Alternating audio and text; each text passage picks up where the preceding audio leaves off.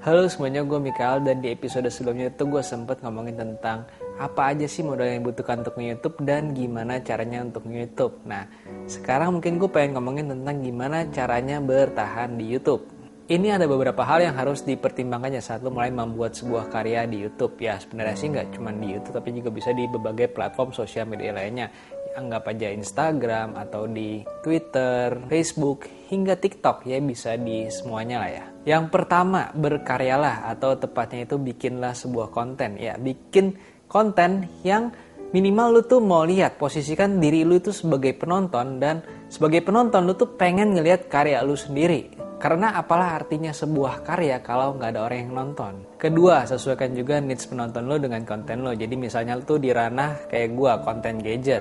Jadi ya perbanyaklah konten-konten yang membahas tentang gadget, bukan tentang makanan, film, video, politik, tata busana, atau hal-hal lainnya. Lalu sesuaikan juga dengan range umur audiens lo. Ya anggap aja misalnya target umur audiens lo adalah di range umur 25-40 tahun. Lo bisa mulai dengan cari gadget-gadget yang relevan dengan mereka, Anggap aja contohnya itu 7 gadget yang bisa membantu kamu saat traveling atau 7 gadget yang bisa mempermudah kamu saat traveling. Ketiga adalah konsistensi. Ya, semakin banyak karya lu, orang-orang juga akan semakin mudah mengingat lu itu siapa dan apa aja sih yang sudah pernah lu buat. Jadi konsistenlah untuk terus menghasilkan konten-konten baru yaitu nggak hanya di YouTube, bisa aja di IG, di website, di YouTube, hingga ke TikTok sekalipun. Keempat, jadilah diri sendiri. Gua rasa ini adalah salah satu faktor yang akan menentukan lu tuh dicari oleh orang lain atau enggak, yaitu kepribadian lu. Banyak seseorang yang menjadi fans dari orang lain itu salah satunya adalah karena kepribadiannya, entah karena kepribadiannya yang nyeleneh, kepribadiannya yang lucu,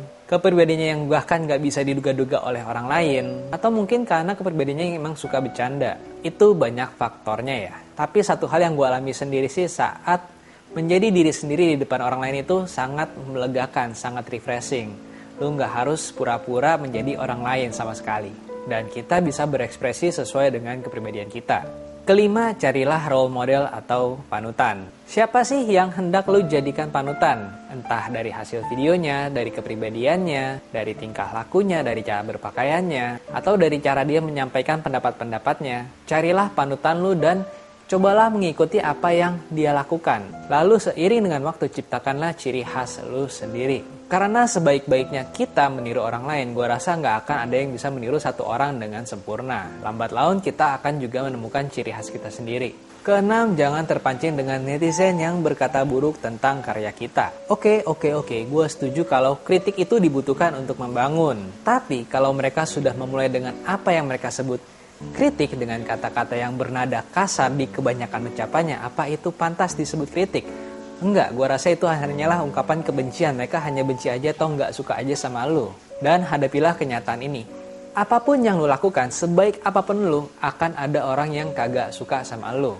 Orang-orang seperti itu akan selalu ada. Dan apa sih yang bisa lo lakukan dengan hal itu? Ya, cukup dengan bertambah baik saja, bikin karya yang lebih bagus, jadi orang yang lebih baik. Bungkam mereka dengan karya-karya lo. Tunjukkan kepada dunia karya lo yang bagus dan cuekin saja mereka karena ya buat apa buang-buang waktu kalian yang berharga untuk meladeni ocehan mereka ini. Ketujuh, cari komunitas atau lingkungan pergaulan yang mendukung minat lo, yang sesuai dengan diri lo, yang suportif sama lo dan tidak menjatuhkan diri lo. Tinggalkan semua lingkungan pergaulan yang tidak suportif dengan apa yang lo lakukan. Karena dengan memiliki teman-teman yang memiliki hobi dan minat yang sama, kalian akan semakin terasah kemampuannya, semakin terlatih skillnya. Jadi, carilah lingkungan pergaulan yang sesuai dengan kalian. Kedelapan adalah selalu belajar. Jangan pernah merasa puas dengan apa yang lo bisa lakukan sekarang. Teruslah berusaha untuk menjadi seseorang yang lebih baik di kemudian hari.